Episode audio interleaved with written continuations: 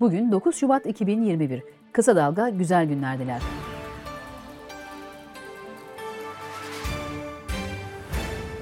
Suruç katliamı davasının 17. duruşması bugün Şanlıurfa 5. Ağır Ceza Mahkemesi'nde görülecek. Sultanahmet ve Suruç katliamlarında kullanılan patlayıcıları temin ettiği iddiasıyla geçen ay tutuklanan IŞİD'li Azzuhalaf Süleyman Elagal dosyaya dahil edilmedi. Davanın avukatlarından Sezin Uçar, yargılamayı yapan hakimlerin bile bu durumdan haberi yok dedi. Cumhurbaşkanı Recep Tayyip Erdoğan, CHP'nin parçalanmaya başladığını belirterek, CHP'nin başındaki zatın herkesi kapı dışarı ederek sergilediği diktatörlük ise tek parti devriyle yarışır seviyeye geldi. Ha CHP, ha HDP, hiçbir farkları yok. Terör örgütlerinin beslemesi bunlar, dedi.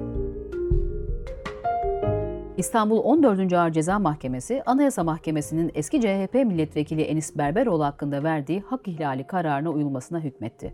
Berberoğlu yeniden yargılanacak, hakkındaki kesinleşmiş hapis cezası bütün sonuçlarıyla ortadan kaldırılacak.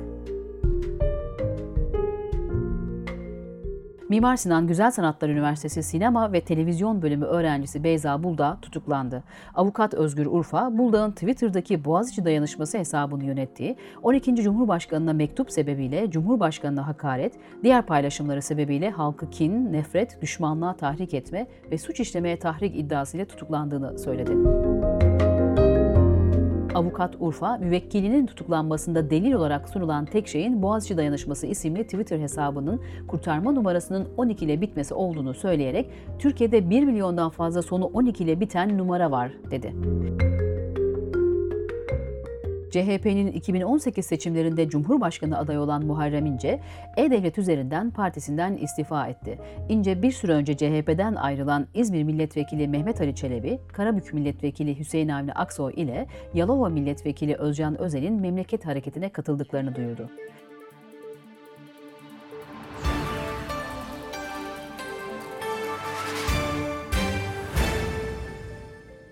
CHP lideri Kemal Kılıçdaroğlu, Cumhurbaşkanı Tayyip Erdoğan'ın yeni anayasa önerisine ilk yanıtını verdi.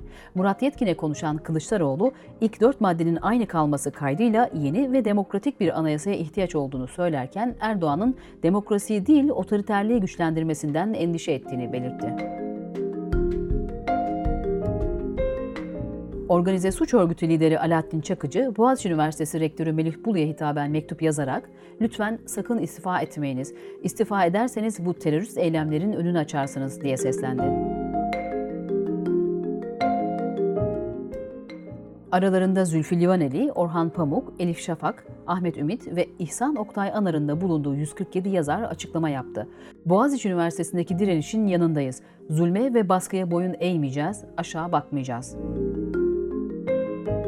HDP Haziran ayına kadar sürecek Herkes için Adalet kampanyasını Ankara'da başlattı.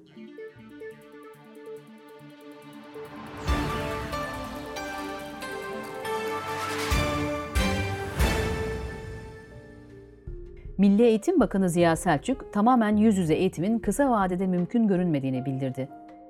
Milli Eğitim Bakanlığı 2020 küresel salgın döneminde uzaktan eğitim, izleme ve değerlendirme raporunu yayımladı. Öğrencilerin %58'i yeni konuları ders anlatım videolarından öğrenemediklerini belirtti. Öğrencilerin %7.1'i internete erişim imkanı olmadığı için canlı derslere katılamadıklarını, %4.4'ü ise canlı ders yapılmadığını söyledi.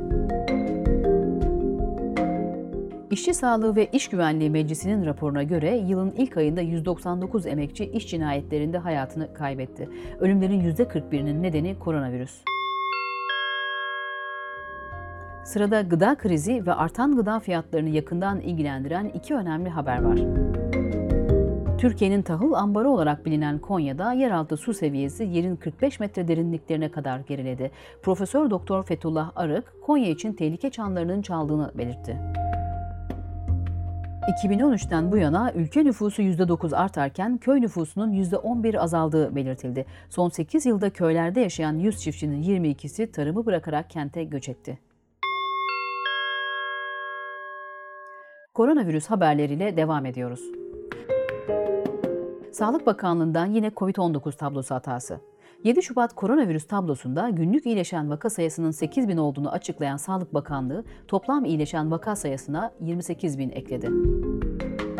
AKP'nin koronavirüs salgınına ilişkin Ocak ayında yaptırdığı araştırmaya göre toplumun yarısı devletin salgın yönetimine güvenmiyor. 2020 Mart ayında Sağlık Bakanlığı ve devlet kurumlarının koronavirüs hakkında doğru ve güvenilir olduklarına ilişkin algı %73 iken bu oran Ocak ayında %40'a indi.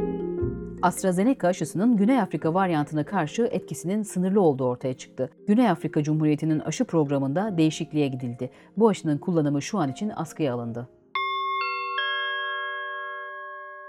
Dünyadan gelişmeler.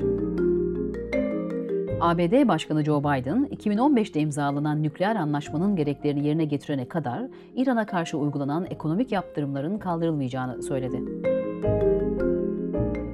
Hindistan'ın kuzeyindeki Uttarakhand eyaletinde bir buzulun bir barajı yıkması sonucu en az 14 kişinin öldüğü kaydedildi. 145'ten fazla kişinin kayıp olduğu bildirilirken birçok kişinin tünellerde mahsur kaldığı aktarıldı. Kuzey Avrupa'nın büyük bölümü soğuk hava dalgasının etkisi altına girerken Hollanda'da son 10 yılın ilk büyük fırtınası yaşanıyor. Teyit Köşesi İtalya, geçtiğimiz yıl salgının başlarında hastalara triyaj uygulandığı, yani ancak hayatta kalma olasılığı olanların yoğun bakıma alındığı iddialarıyla gündeme gelmişti. İddiaların kesinleşmesi için mahkemenin sonuçlanması ve doktorun suçlu olduğunun kanıtlanması gerekiyor. Kısa Dalga'dan. Eşit Haklar İzleme Derneği ve Kısa Dalga Podcast ortaklığında hazırlanan Yasaksız Meydan podcast serisinde konuşan Can Can'dan, öğrencilerin geneli için çok travmatik bir deneyim bu. Hakkımı savunuyorum, neden böyle bir saldırıya maruz kalıyorum diyorlar şeklinde konuşuyor. Gözünüz kulağınız bizde olsun. Kısa Dalga Medya.